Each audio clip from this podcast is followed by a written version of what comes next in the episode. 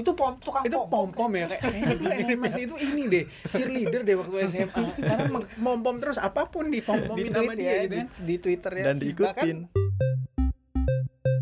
Tapi ya ini tidak berarti melarang masyarakat memiliki dinar dan dirham karena dinar Hmm. dan dirham itu Mhm. keberadaannya legal. kenapa bukan OJK atau BI gitu yang mengatur ini Nah. nih yang jadi pertanyaan gue Mas Argun Hmm. Karena cryptocurrency dianggap sebagai komoditas. Koneksi Konten Ekonomi Seksi Hai Sobat Cuan apa kabar nih? Balik Hai lagi. Sobat cuan. Sobat Cuan. Kok tiba-tiba ada lu? Sih Gua kan di sini ini pemain cadangan. Iya, iya. di mana pun program apa pun kecuali program riskan ya. Ri- rilis kan semua bisa gua masukin kecuali Ah, yang iya. program yang satu itu. Yang lain hostnya kan itu nggak bisa gitu kan. Nah balik lagi nih di koneksi konten ekonomi Seksi. tapi hari ini nggak seksi nggak Soalnya seksi-seksi amat lah nih nggak semuanya laki-laki nggak ada yang seksi di mata gua belakang kamera juga laki-laki selamat datang di koneksi Gibran Selamat datang ya. Semoga saya bisa melewati percobaan koneksi ini karena sebelumnya saya nggak pernah masuk koneksi sih. Iya. Kita bakal bahas apa sih di koneksi ini sebenarnya? Oke, mungkin episode kali ini tuh kita akan bahas lebih ke soal duit. Ya nggak jauh-jauh soal duit kan ya kalau pasti. cuap-cuapian Mm-mm. cuan ya. Nah, lu update nggak sama kemarin ada berita mengenai penggunaan dinar dirham Mhm. sebagai alat transaksi di sebuah pasar, Di kan? pasar muamalah ya kalau nggak salah namanya. Iya, eh, mirip bank namanya. Iya, itu beda H dan T. Ah, Alah, alat. Ya Ah. beda gitu kan. itu kan kemudian kan ini jadi sebuah kontroversi ya Mhm. kenapa nggak boleh gitu kan padahal gua nggak tahu juga sebenarnya sebenarnya kayak kalau aturannya kan memang nggak boleh digunakan sebagai alat transaksi ya Mhm. nah cuma ternyata untuk investasi itu boleh Boleh. boleh Kok gitu ya? Itu makanya kan kalau yang di pikiran gue tuh kalau misalnya gue main time zone nih, itu kan gue pakai koin juga, nukar Ah. duit rupiah yang asli, Mhm. terus pakai duit time zone. Heeh. Kok itu nggak ditangkap gitu?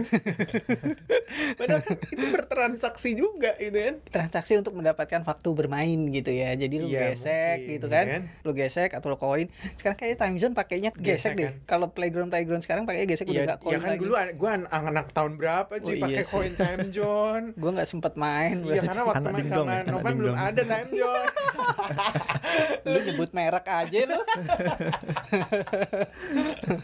nah, ini kita bakalan tanya nih, Mas Argun Hmm. sebenarnya polemik ini itu kayak gimana sih? Karena kan kalau dari urutannya, intinya kan dia juga hanya bertransaksi di pasar yang dia kelola sendiri ya. Mm-mm. Sama Ya. kayak tadi Gibran mention sebuah brand itu kan Mm-mm. di tempatnya sendiri. Apakah membutuhkan izin atau enggak? Sebenarnya kayak gimana sih ininya? Gambarannya itu. Mm-mm. Iya, jadi sebelum tahun 2000 itu praktik seperti itu banyak terjadi Hmm. di komunitas Mhm. gitu. Jadi ada komunitas masyarakat yang memilih untuk mereka kan investasi dinar dirham itu udah udah udah lama ada di Indonesia. Mm-mm. Terus mereka memutuskan memakai itu untuk bernostalgia gitu kayak zaman Nabi gitu terutama di Iya. komunitas Islam Mm-mm. gitu ya Mm-mm. untuk jual beli barang. Mhm. Ya, Saat itu dulu marak tapi tidak dalam skala yang masif gitu. Mhm. oke. Terpecah-pecah sporadis kecil-kecil. Kemudian Bank Indonesia dan pemerintah menilai eh, lama kelamaan kalau tidak ditertibkan itu nanti ya akan ada redundancy gitu Hmm. kan kalau kita bicara alat tukar di Indonesia ini ya rupiah gitu Hmm. mata uang kita rupiah bukan dinar dirham gitu jadi kalau ada yang transaksi dipakai mata uang lain gimana harusnya ya ditertibkan gitu maka pada tahun 2001 2001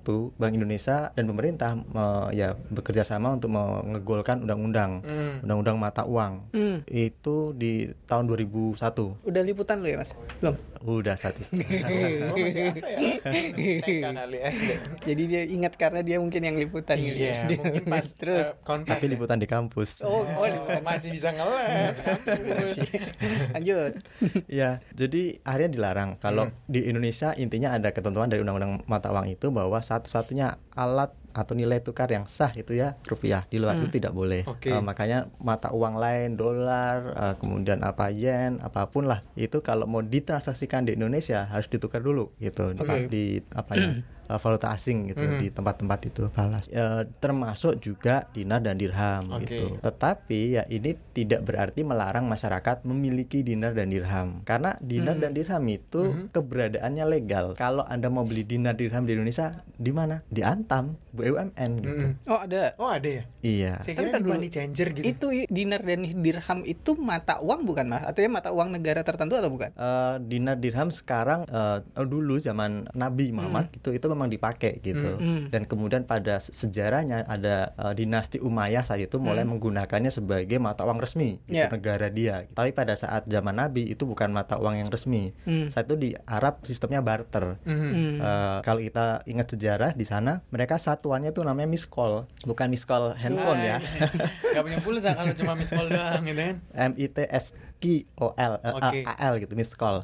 Itu satuannya 72 gandum. Jadi satu butir Oh, gandum satu. dikumpulin 72 beratnya itu. Nah, itu satu miss call satuan kayak gram gitu. Ribet juga ya hitungannya. Ribet. Jadi dulu itu karena barter maka yang banyak dipakai gandum. Kan Mm. kalau di Indonesia semacam beras gitu. Iya. Mm. Jadi di Arab dulu kayak gitu tapi terus kena pengaruh budaya di Romawi. Saat itu kan ada dua imperium yang besar. Hmm. Di barat di Italia itu Romawi, mereka pakainya denari Hmm. mata uangnya. Kemudian di yang kedua di Persia, itu kan Oke. pe- ke peradaban besar juga. Mhm. Mereka pakainya drachma. Hmm. gitu. Oh iya aku pernah dengar itu lu drama. dengarnya pasti di, di film-film ya? film ya? Iya, Ah, ah. drama iya benar benar. Pierce Jackson gitu. Iya, Percy Jackson, benar-benar drama-drama itu mata uangnya Iya, Percy lanjut. Jackson tuh.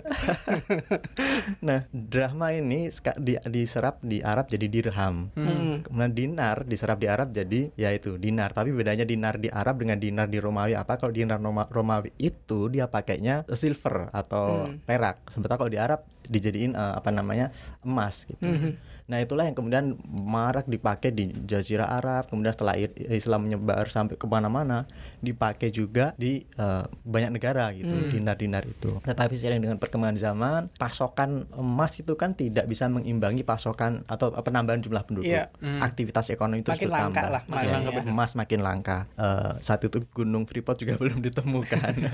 ya akhirnya diubahlah item alat tukar di seluruh dunia kebanyakan mereka berganti dengan mata uang kertas Hmm. fiat. Jadi orang nyetak ke uang kertas awalnya dikaitkan dengan eh, apa namanya emas. Jadi underlying asetnya ada. Setiap nyetak taruhlah satu juta gitu Mhm. kan eh, mata uang lembar gitu. Harus ada emas jadi harus emasnya yang jadi underlying di mana disimpan di di negara tersebut kayak gitu. Tapi lama kelamaan juga nggak cukup juga gitu. Emasnya masih terbatas. Kemudian ya Hmm. sudah jadi telah ada kesepakatan Bretton Woods ya sudah eh, mata uang kertas jadi benar-benar lepas dari emas. Dan itu yang dinilai sekarang bisa memutar ekonomi dunia sampai sejauh ini, sebesar ini gitu. Mhm. Nah tapi yang jadi pertanyaan kan mungkin kalau misalnya ah, tadi kan masih ada sistem barter tuh zaman dulu Mhm. kan nggak ada mata uang nggak ada Mhm. mata uang bener-bener pasti gitu. Saya tuh pernah jalan-jalan ke perbatasan nih ya Mhm. ke perbatasan Indonesia sama Malaysia. Tuh ada orang yang pakai mata uang lain bener-bener ada misalnya pakai ringgit. Ya. Tapi ya bener-bener melakukan transaksi gitu. Sampai saya nanya kenapa sih pakai ya, Ya, ringgit ringgit. sama rupiah Hmm, gitu dua ya. malah ya. Bilangnya ya ini kan juga uang, ini juga uang gitu. Oh jadi nggak masalah, nggak masalah. Dan jadi harga sebuah barang di itu waktu itu saya ke sebatik Mm-mm. itu ada har- dua harga. Jadi kayak harga rupiahnya berapa, harga ringgitnya, Ringgitnya berapa? Hmm. berapa. Jadi bisa dipakai. Jadi oh, ternyata bisa gitu dipakai. Nah itu yang jadi pertanyaan saya tuh nggak ditertibkan apa yang kayak kayak gitu misalnya itu kan Ya. hal-hal yang Tapi itu kan mata uang emang. Iya, Kalau dirham ini kan bukan ya? Eh, bukan, bahkan di Arab Saudi pun di eh, konsep dinar dirham kan udah nggak kayak zaman Nabi. gitu. Hmm. itu mata uang ringgit tapi maksudnya kan ada undang-undang transaksi Oh, Ke- penggunaannya. Iya penggunaannya itu gimana tuh Ya memang sebenarnya itu ilegal. Jadi kalau mau diterapkan memang itu harusnya dihukum gitu. Mm. Tapi mungkin pemerintah ada semacam toleransi karena di sana kan di perbatasan. Hmm. Dekat dengan eh, pasar misalnya pasarnya Pasar. Malaysia gitu kan. Ya dekat sama Malaysia juga. Kalau misalnya masyarakat diwajibkan nuker dulu ke apa namanya gerai falas di sana emang ada. Jauh, gitu. cuy.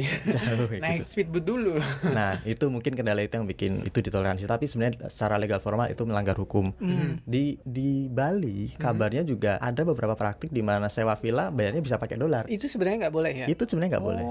Jadi sobat cuan sebenarnya tuh nggak boleh. Jadi bertransaksi itu harus, rupiah. kemudian dikonversi ke rupiah dulu, Iya. baru kita pegang rupiah kita bayarkan. Betul. Jadi sebenarnya kalau misalnya hotel-hotel bikin rate dengan dolar, Mas Argun, Ya. itu boleh dong. Artinya mereka cuma patokannya oh sekian dolar, Yes. tapi kemudian diru harus dirupiahkan tetap. Iya, iya. Hmm. Hmm. Berarti harga hotelnya fluktuatif ya. Kalau dolarnya menguat, Iya. harganya naik. Kalau dolarnya turun, harganya turun Iya, ya. Jadi kalau ada eksportir lagi berlibur di Bali itu dia berharap eh, dolarnya menguat gitu. Iya, iya, iya, iya. Jadi duit dia la- bisa Oh. pakai untuk lebih banyak. Jadi kalau misalnya barang. paymentnya langsung dalam bentuk fisik dolar, Mhm. nggak boleh. Itu nggak boleh menurut ketentuan. Mata uang apa pun nggak boleh ditransaksikan gitu ya. Iya. Gitu. Meskipun pada praktiknya ada gitu yang Iya, melakukan iya. itu satu dua, tetapi kalau ya mungkin ini faktor law enforcement Mhm. aja. Mhm. Kalau Bank Indonesia punya banyak eh, ini eh, apa namanya orang yang bisa mengawasi itu, ya seharusnya ditangkap.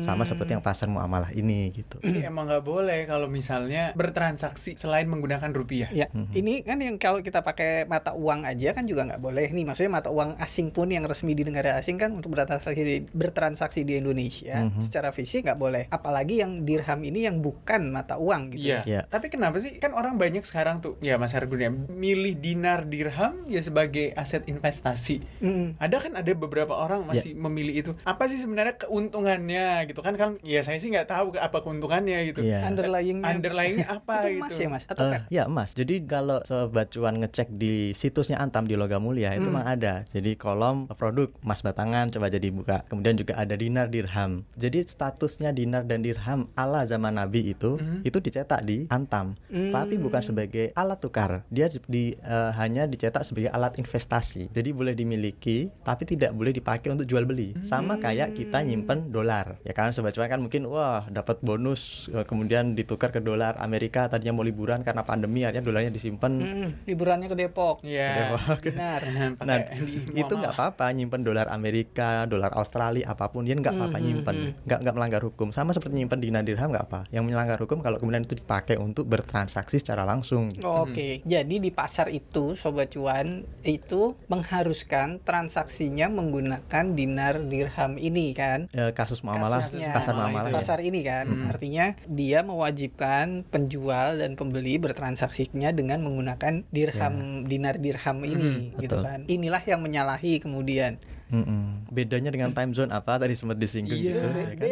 Iya, itu bedanya apa tuh? Ya kalau di time zone itu eh, rupiah kita ditukar dengan satu alat Iya. gitu. Tapi alatnya itu hanya ditaruhlah apa namanya eh, alat penukar iya. kartunya itu. Nah itu dipakai hanya untuk beli satu jenis jasa. Dia kan nggak jual barang kan. Hmm. Di time zone jualnya jasa. Jadi jasanya apa? Ya mainin game apa pun gamenya terserah bebas. Mhm. Mau pukul-pukulan, mau sepak bola atau apa. Tapi kan tetap jasanya cuma satu gitu permainan. Tetapi di pasar muamalah itu kan ibaratnya dapat koin macam time zone. Iya. Tapi bisa dipakai untuk beli banyak barang Benar. gitu beli mulai dari garam beli eh, telur ya kan beli beras apa pun nah itu kan yang sudah menjadikan statusnya bukan lagi hanya eh, fasilitas untuk untuk permainan atau komunitas itu tapi udah jadi alat tukar beneran untuk transaksi gitu. Hmm. Mhm. Nah itu yang menyebabkan pasar muamalah ini bisa dianggap melanggar hukum dari Undang-Undang tahun 2001 nomor 7 gitu. Oke.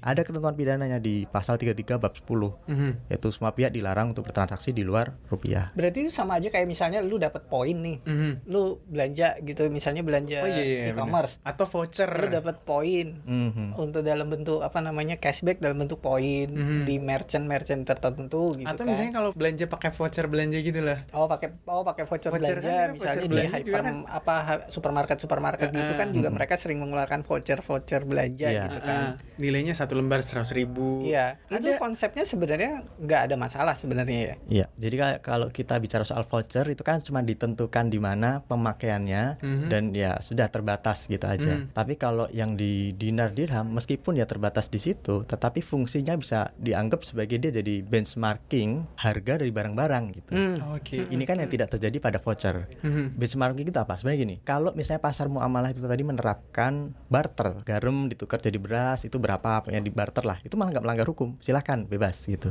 Meskipun ada nanti ribet ngitungnya pakai timbangan, gitu. itu nggak masalah. Tetapi ketika ada salah satu barang yang dijadikan benchmark, taruhlah beras jadi benchmark. Jadi kalau saya menghargai garam berapa, ya harus ngacunya ke sekian gram Sekian beras. kilo beras Hmm. misalnya Ya gitu. sekian kilo beras atau kemudian handphone berapa berarti oh berarti harus ditu- ditukar dengan satu kuintal beras. gitu. Oh, Nah ini Oh, iya. praktek benchmarking nilai-nilai barang ke satu barang itu sudah menjadikan statusnya dia menjadi nilai tukar menjadi alat, eh, Alat mata tukar, uang gitu mata alat uang. tukar dan itu yang terjadi di eh, dinar dirham gitu. Nah kalau patokan voucher itu kan tetap aja patokannya rupiah. Ya, tapi- Senilai ya. total nominalnya rupiah meskipun bentuknya dibikin dengan brandingnya si Ah, ah, seratus ribu, korporasi. Tapi kan Iya, tetap itu 100 juga, rupiah betul. gitu kan. Mm-mm, Ya, tapi benchmarknya tetap ke rupiah. Iya. Benar. Karena tulisnya RP depannya Iya. RP 100 ribu bukan USD.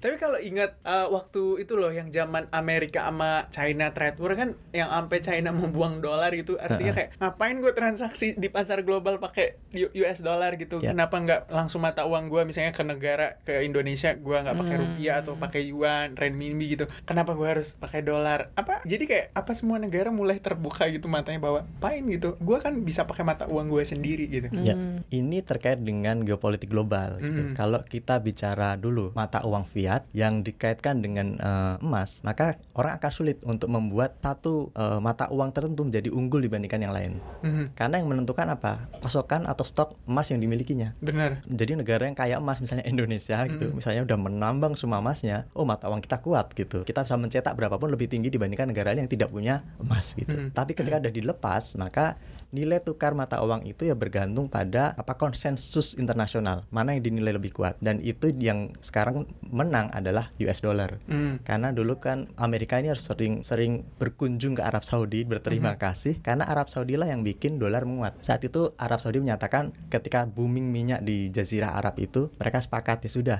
minyak saya boleh dibeli tapi dengan dolar belinya. Coba dia bilang oke minyak saya boleh dibeli dengan rupiah. Uh kita jadi negara didaya bos. Hmm. Semua orang nilai rupiah kita akan sangat-sangat kuat karena semua negara Berburu akan rupiah gitu. Iya, memburu rupiah gitu. Jadi kan Pak hukum di pasar mata uang itu seperti itu. Good money squeeze the bad money.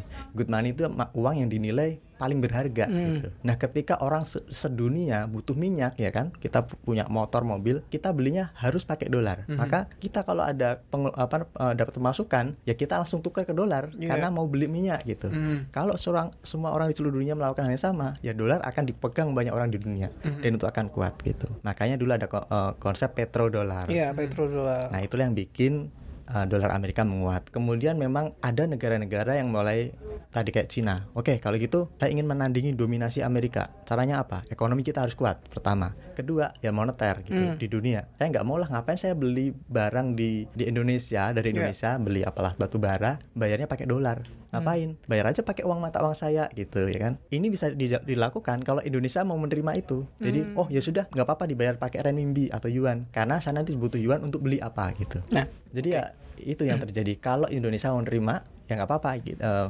transaksi itu berlangsung dan memang secara hukum internasional tidak ada yang melarang. Hanya saja ketika sudah pada pada skala yang dinilai membahayakan dominasi Amerika akan terjadi perang. hmm. Kita ingat Hmm. dulu Irak eh, dia diserbu Amerika setelah Saddam Hussein menyatakan saya akan menjual minyak saya dengan, Dengan- euro kemudian diserang gitu Libya Muammar Gaddafi dia bilang saya akan bikin mata uang emas Mhm. untuk Afrika diserang juga sama Amerika dan sekutunya Iran yang sekarang nakal dalam tanda kutip tidak pernah dia menyatakan saya akan jual minyak saya dengan euro dengan yuan atau dengan Hmm. apa rubel Rusia enggak karena dia tahu risikonya itu Kita ngomong kita akan menjual Batu bara kita. baterai. Oh iya, kita jual baterai listrik kita dengan Tesla pakai rupiah. Gimana tuh?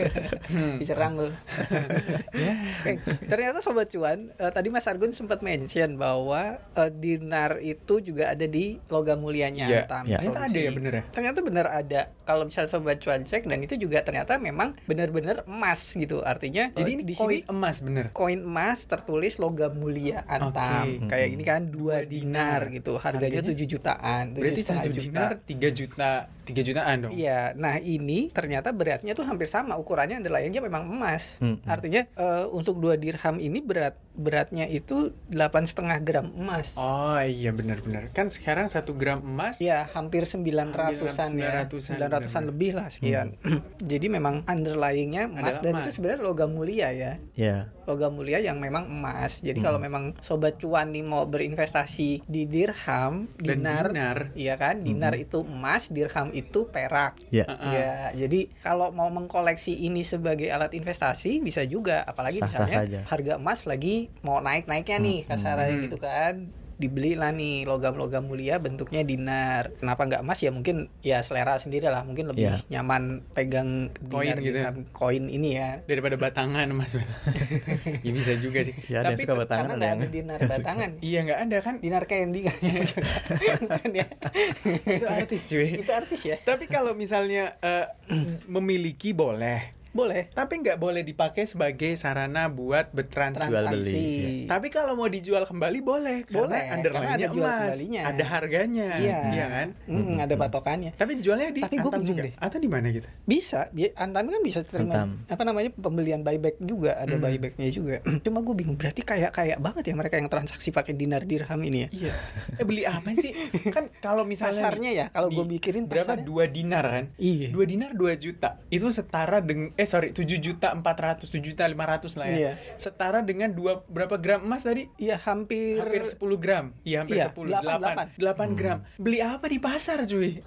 Harga 7,5 Iya, maksud gue Sapi. benda-benda benda-bendanya berarti yang dijual dan mungkin orang-orangnya juga orang-orang Ya kaya. kali ya. Ya kan ini si pelakunya ini di pasar muamalah ini dia nyediain dinar dan dirham. Mhm. dan lucunya kan dirhamnya dicetak pakai nama dia gitu kan Hmm. apa. Jadi tapi itu nggak masalah. Jadi kalau misalnya eh, Mas Novan pingin Mm. ngasih kado gitu kan ke orang tersayang Bisa dalam bentuk dinar bisa ya. nelpon antam. Saya mau dong dibikinin logam mulia emas dicetak wajah saya di Bisa situ. tuh. bisa. Bisa. Bisa. Cuy. oh pakai jadi mas kawin juga bisa dong? Bisa. Boleh. Jadi yang itu yang terjadi di pasar muamalah itu. Dia Hmm. memesan dirham sebanyak banyaknya nah satu koin dirham kan cuman 90-an ribu gitu. Hmm. 80 90 ribu Hmm. nah itu yang dia pakai kalau kalau ada harga yang di bawah itu dia pakai setengah dirham dicetak juga sama dia jadi nggak melulu emasnya gitu jadi Peraknya memang kalau juga. dinarnya memang mahal tadi kan Iya. berapa 4 jutaan Hmm, gitu iya. tapi kalau dirhamnya kan ya puluhan ribu per satu Jadi koinnya kalau misalnya ada harga barang, misalnya ini beli, anggaplah beli beras 10 kilo, ya harganya di bawah 90 ribu, berarti setengah dirham. ya ibaratnya gitu Eh, jadi kalau 180 ribu dua dirham, Mhm. canggih juga. Terus muka bapaknya di sini ya, terngiang-ngiang kayak pahlawan. Gitu. Tapi- kasih bawahnya vote for presiden.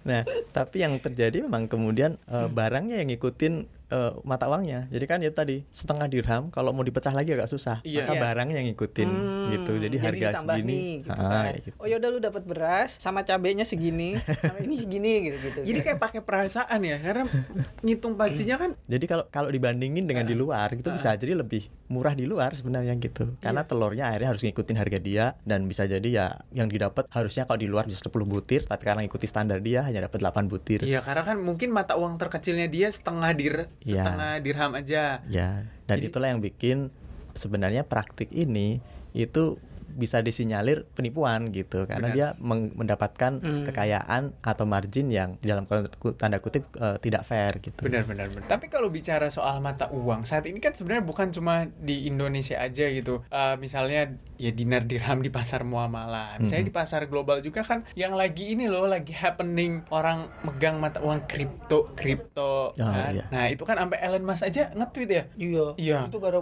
itu pom tukang itu pom pom ya kayak dulu Elon Musk itu ini deh cheerleader deh waktu SMA karena mom pom terus apa pun di pom pomin sama tweet dia ya, gitu kan di, di Twitternya. Dan diikutin. Bahkan, apa aplikasi yang sekarang lu pakai? apa namanya Clubhouse? Eh, Clubhouse Itu juga dari Itu dia Clubhouse kan? dari dia juga gitu Dia yang Iya. memperkenalkan gitu kan terus kemudian apa namanya signal gitu. signal bener-bener sampai bener. orang ternyata salah beli sahamnya dong. iya Jadi cuy. perusahaan yang yang nggak ada hubungannya sama signal tiba-tiba naik. naik nah itu kalau kripto misalnya kan Tesla bilang dia bakal bisa menggunakan bertransaksi membeli Ya, membeli Tesla, Tesla membeli pakai- produk Tesla dengan menggunakan mata uang kripto. Kripto. Dia akan membuka kemungkinan itu. Mm-mm. Makanya banyak orang kemudian Beli. mau ber- beralih ke kripto kripto ini. Mhm. Tapi kalau gue gue pribadi kemarin beberapa ini pengakuan punya nih, satu koin enggak pengakuan dosa nih gue.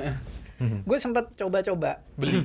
Bukan beli mencoba-coba mencari tahu mengenai cryptocurrency termasuk yang ada di Indonesia ya aplikasinya gitu Hmm. kan. Ada beberapa tentu gue pasti riset dulu kan. Ada beberapa ternyata yang misalnya terpercaya itu memang pasti itu eh, terdaftar di Bapeti. Mm, Bapepti ya? Bapepti ya? Ya, Bapepti. Bapepti bahkan temen gua SMP pun juga sempat WhatsApp, Van, ini aplikasi ini untuk kripto aman gak ya? Gua pun waktu itu belum sempat sempat lihat sebenarnya kayak gimana. Banyak kok juga yang nanya. Gue tuh Ternyata ketika gua terjun ke situ, sih seolah-olah mau jadi investor gitu ya, terjun ke situ gua lihat. Ternyata memang banyak banget bentuk jenis Oh iya. cryptocurrency itu sekarang banyak. Ibarat kata gini, itu sebenarnya kayak pasar saham juga. Oke. Cuma lu pasti bingung milih mana yang Oh, aku kira dalam itu tanda kutip fundamentalnya Iya. istilahnya gitu ya, yang bener-bener kuat secara ya perhitungan kripto aku kira itu kripto udah satu jenis itu Oh doang. enggak. Oh. Macem-macem namanya, Bos. Jadi generasinya gitu-gitu. Jadi itu yang diperdagangkan itu uh, pairingnya ya Mas ya. Misalnya misalnya ini dengan rupiah, ini dengan US terus nanti uh, lu juga bisa bertransaksi misalnya lu udah ngumpulin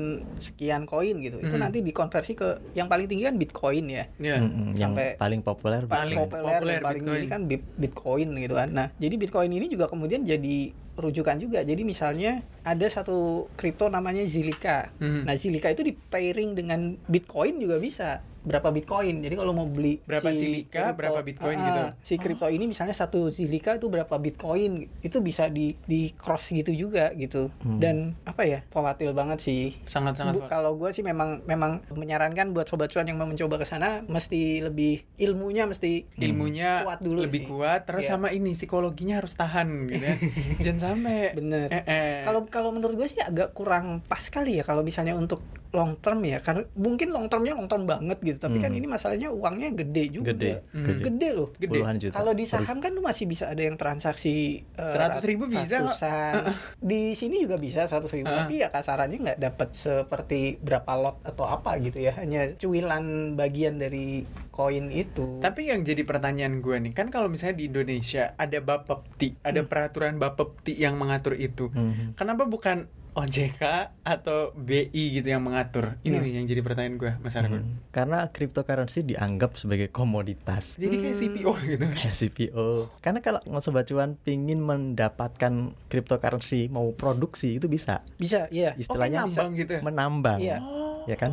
Dari nambang punya mesinnya, terus kemudian harus punya superkomputer superkomputer untuk me- Nambang. apa menjalankan Hmm. algoritma Heeh. untuk menghasilkan itu Mhm. Bitcoin Mhm. dan itu baru bisa di ya butuh waktu lama dan butuh energi banyak untuk me- me- me- memproses seperti itu gitu makanya negara-negara yang tarif listriknya rendah itu jadi target ini para pemain Bitcoin mereka akan bawa uh, servernya ke negara tersebut dia menikmati tarif listrik yang rendah untuk memproduksi Bitcoin Karena harus nyala terus komputer. Iya, harus nyala terus. Harus ada AC-nya agar mesinnya tidak panas gitu. Itu cara menambangnya seperti itu. Dan kemudian nanti eh, hasilnya disimpan di data center mereka dan itu kemudian dicatatkan gitu. Ini saya udah dapat mendapatkan satu koin gitu. Mau apa mau ikut eh, apa namanya ledger yang apa? Bisa Hmm. Bitcoin, bisa apa namanya yang Dogecoin yang diramein sama si Tesla ini si Elon Musk. Jadi emang ah, asumsinya bahwa ini adalah komoditas gitu yang di eh, digital, komoditas Iya. digital. Jadi kalau sobat cuan masih belum awam dengan pasar komoditas yang konvensional kayak CPO, kemudian batu bara atau minyak, ya mending jangan Iya. dulu kalau mau coba-coba cryptocurrency. Dan satu lagi, kenapa bukan Bank Indonesia yang ini mengizinkan ya tadi karena komoditas dan dia di Indonesia masih belum boleh dijadikan alat tukar. Mhm. Tadi kalau di eh, di Amerika ada yang Ada memakai beberapa yang Bitcoin untuk beli ka- kapal pesiar untuk beli mobil sport yang Hmm. mahal-mahal ada yang yang menerima itu jadi kalau kalau misalnya ada showroom di Indonesia yang menerima Bitcoin ya mungkin bisa gitu tapi langsung pasti didatangi sama Bank Indonesia Mhm. di Amerika nggak didatengin gitu masih Hmm. boleh di Indonesia nggak boleh jadi Bitcoin belum boleh Bitcoin. Bisa kali ya. uang suap gitu Hey. oh keren ya Bitcoin kadang biar swap digital Iya, Swap digital bener ya. Tapi nukerinnya nggak susah dong.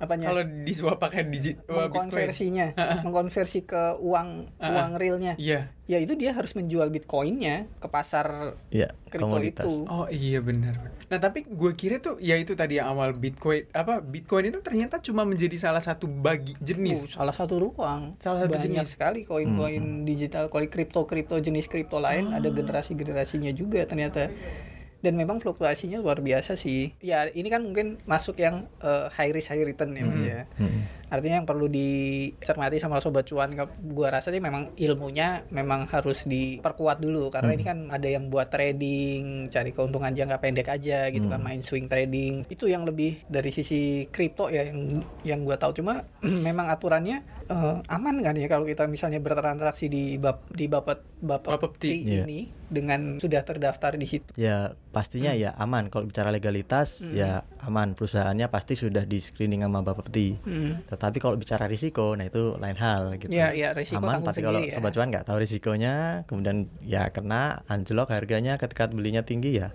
Atau ini juga. Berarti bisa dikatakan orang ya orang-orang di Indonesia yang sedang memiliki atau memegang kripto mata uang kripto ini emang awalnya dalam tanda kutip ya tergiur karena returnnya yang tinggi, Ya karena kenaikannya kenaikan bisa, harganya yang ya, tinggi. Bisa Tapi ratusan persen gitu. Iya, bisa ratusan persen dalam jangka pendek gitu. Bi- ada yang dua bulan itu bisa naik 200 persen, 300 persen gitu. Nah itu kan yang harus dikasih kalau kita ya, kalau kita misalnya sobat cuan yang terbiasa tradingin investasi saham gitu kan, kita kan masih bisa nebak-nebak ya Mm. uh, analisa fundamentalnya kayak gimana, uh, teknikalnya seperti apa. Benar. Ya mungkin kalau di kripto juga kelihatan teknikal karena dia kan cat-cat juga. tapi fundamentalnya. Iya, tapi fundamentalnya ini lebih gue misalnya mau milih kripto yang A gitu, fundamental apa yang harus mungkin gue juga harus belajar lagi gitu untuk lihat ini. Cuma memang harus Ya. di harus Yang menjadi pertanyaan gue itu apa yang menjadi dasar keyakinan i- maksudnya dia kayak underlyingnya. Iya, Kalau saham kan kita jelas kita tahu iya, punya perusahaan. misalnya ya. ya beli saham misalnya A satu nih, Hmm.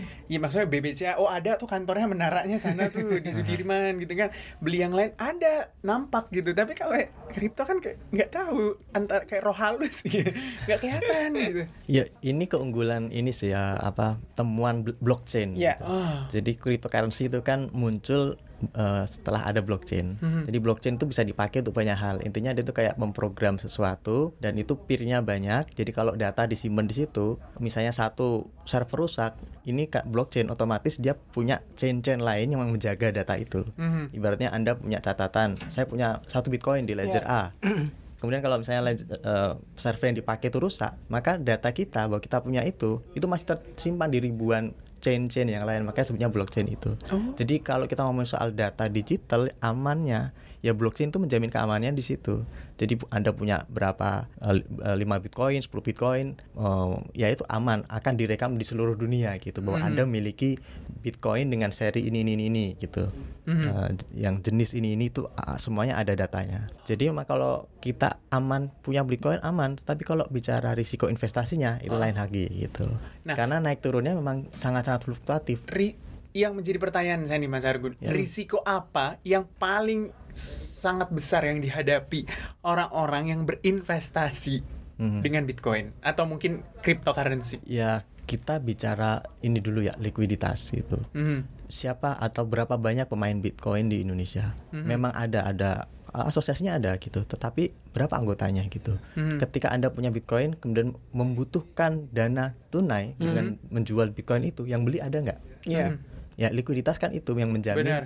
eh, saham jadi disukai orang karena kalau Anda butuh barang, Anda jual, Ada sekian detik, pembelinya. ada yang beli. Ada gitu. pasti ada pembelinya. Tapi Iya. Bitcoin ya belum tentu. Mm-mm. Dan kalau di Indonesia memang masih sangat-sangat ya dibatasi gitu karena eh, memang banyak negara di seluruh dunia memang belum menggunakan Bitcoin sebagai ni- alat tukar gitu, nggak boleh gitu. Di Amerika itu pun beberapa negara bagian yang hanya mengizinkan, yang lainnya masih belum mengizinkan. Mhm. Jadi eh, yang membuat Bitcoin menarik secara fundamental perekonomian kaitannya dengan ekonomi itu apa gitu kan Hmm. sekarang ini itu di jadi ada semacam konsensus di kalangan pelaku eh, apa namanya miner Iya, miner iya, di, miners. Bitcoin ini bahwa ya Bitcoin ini nilainya lebih tinggi dibandingkan yang lain gitu konsensus tapi underlyingnya emang tadi kita belum tahu seperti apa Mhm. Kemudian kenapa sekarang bisa naik tinggi banget?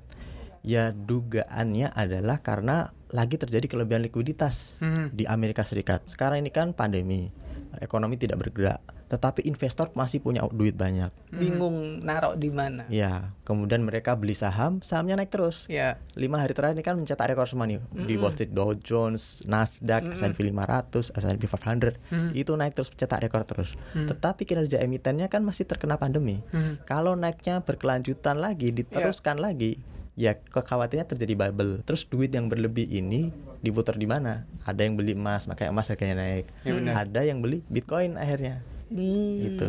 Sehingga harganya naik dan ya Elon Musk termasuk yang itu masuk ke sana. Makanya hati-hati lu kalau misalnya belanja Bitcoin pas sekarang-sekarang ini, tahu-tahu ntar ditinggal loh. Iya. Iya, Karena ketika- mereka, mereka udah beli, Iya, beli dulu beli kan. duluan. Jadi nggak boleh ketinggalan kereta istilahnya. Ya kita kan nggak pernah tahu apakah kita ketinggalan atau udah. Atau keretanya ternyata udah nggak tahu di mana gitu kan. Ya, Iya. dugaan saya kalau nanti ekonomi sudah pulih, anjlok Bitcoin. Karena, lebih kepas- ke real ya pasar. Lebih ke real ya. Iya, orang akan balik lagi. ekonomi, Putar berputar lagi. akan ketarik. Mungkin lagi. kalau menurut saya tuh ketika saat ini Bitcoin lagi happening, orang Hmm. tuh lagi punya banyak waktu luang gitu ya. Melihat Duit luang juga banyak. duit luang juga banyak. Ya di kala pandemi memang Mhm. konsumsi turun. Mm-mm. Tapi di Indonesia saving meningkat. Nah, Oh, iya LPS bilang tabungan orang tuh meningkat. Benar. Kemudian kalau di Amerika kondisinya agak berbeda. Di sana kan pemerintahnya ngasih stimulus. Iya. Ini yang mau keluar 1,9 triliun dolar gitu Amerika. Di sisi lain bank sentral itu terus membeli obligasi yang di pasar. Mhm, Nah, bank sentral yang di sana beda sama bank sentral di sini. Kalau bank sentral di sini beli obligasinya emiten perusahaan swasta itu nggak boleh. Mhm. BI nggak boleh beli obligasi yang diterbitin apalah eh, Telkom misalnya itu nggak boleh. Nah, kemudian yang sekarang terjadi di Indonesia cuman Bank Indonesia beli obligasinya pemerintah. pemerintah. Nah, kalau di Amerika enggak. Jadi kalau taruhlah Apple nerbitin obligasi bisa dibeli sama bank sentral. Karena apa? Bank sentral pingin menstimulasi perekonomian dengan cara ngebanjiri duit. gitu.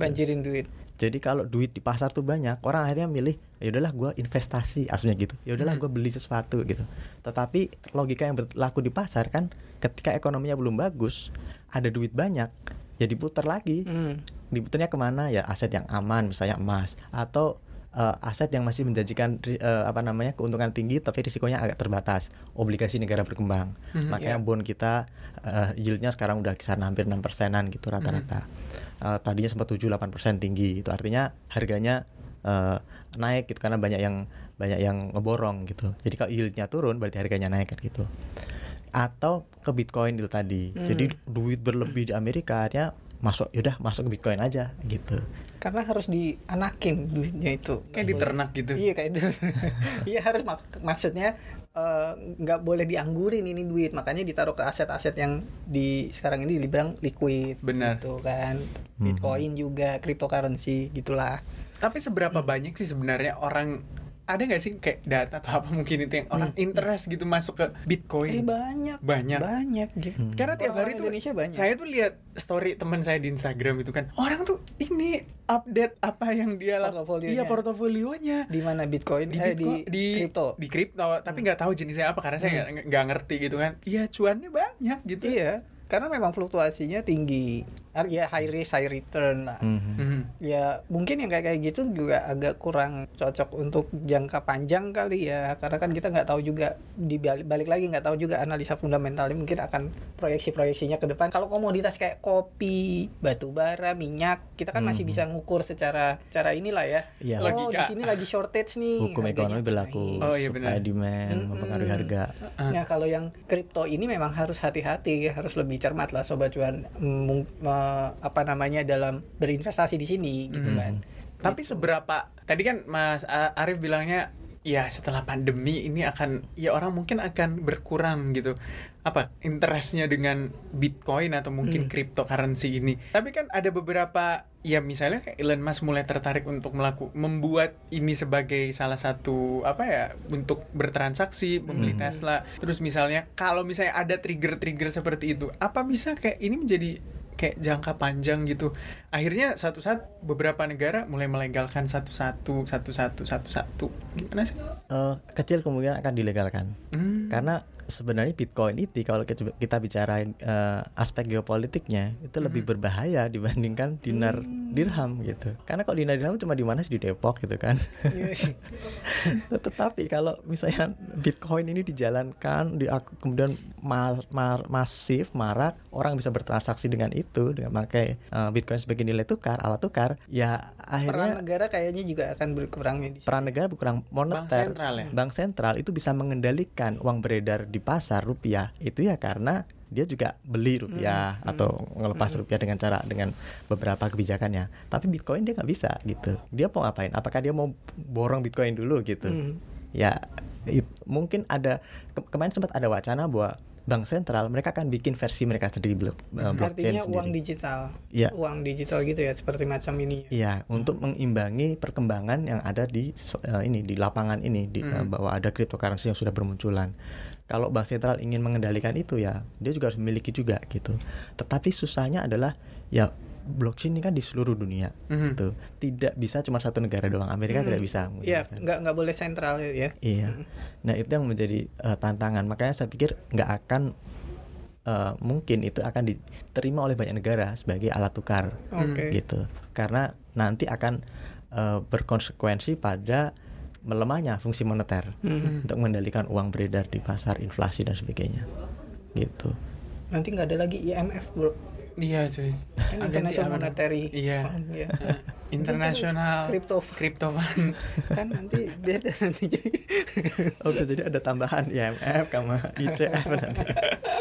Nah, gitu sobat cuan ya. Jadi kita udah ngobrolin kan di Hmm. dinar, dirham, kripto itu nggak haram. Nggak haram. Nggak haram. Mhm. Untuk investasi sah saja. Sa- Tapi harus diingat-ingat kembali kalau dinar dirham ya bisa buat investasi tapi nggak Iya. boleh buat transaksi. Transaksi. Jangan dipakai transaksi. Sama aja kayak kripto ya. Kripto boleh dipegang tapi transaksinya di pasar kriptonya aja. Iya, nggak bisa Anda beli mobil gitu, tiba-tiba Ah. beli mobil, eh saya mau bayar pakai kripto, nggak bisa. Iya. Misalnya kan Tesla udah bisa tuh beli Mm-mm. pakai kripto. Ya udah lu nabung kripto juga nggak apa-apa nanti buat beli Tesla gitu. Ya, Atau bisa. baterainya dulu. Iya. Tapi beli Teslanya di Amerika. Iya. Iya, karena di sini nggak bisa. Di sini bayar Prestige pajaknya. Motor nggak nerima cryptocurrency di sini. Ah gitu saya sobat cuan koneksi hari ini Gip. Kan ilmu itu perlu dipelajari semua. Oh, iya, Jadi benar, benar. kalau lu mau nyemplung jangan asal nyemplung dulu. Iya. Paling nggak lu tahu bahwa lu aman. Mhm. Iya. Artinya kalaupun lu mau eh, coba investasi di situ, coba aja kecil-kecil juga nggak masalah karena memang ilmu itu kan mahal kalau apalagi jangan hanya katanya katanya ya kalau kalau gue sih orangnya Hmm. gitu ya lebih baik oh ada ini ya udah kita coba aja coba Hmm. aja sekedar buka buka akunnya pun juga gratis kan. Iya benar. Nanti lu tinggal lihat di situ apa instrumennya, ikutin apa namanya insight-insight yang udah ada Iya. gitu, combine sama pengetahuan yang Sama sekarang gitu. kalau misalnya mau, misalnya mau nih Hmm. orang-orang nih siapa pun itu sobat cuan tuh yang lain-lain, jangan nyemplung dua-dua kakinya cuy. Dikit-dikit Iya. aja dicoba-coba dulu dia. cuy. Pemanasan kan lu kalau kalau misalnya mau berenang lu harus pemanasan. pemanasan, dulu. Investasi sampai- juga gitu lu harus kenalin dulu kan Iya, produknya betul. gitu. Ntar kalau misalnya gua udah sukses ya koneksi ini lu yang megang. eh, suksesnya gimana? di, di kripto. Oh, oh jadi udah Mas nggak Novannya mau di Bali tiap hari gitu kan. Baik, Oh, apa aja mana? Digital nomad. buat Sukses di yang lain juga. Ini siapa? Mas Argo ya? Jadi miners gitu kan. Wah, listrik di Indonesia kan termasuk murah ya. Benar. Oke, Oke, sobat, sobat, cuan. cuan, itu dia perbincangan kita di hari ini di konten ekonomi seksi.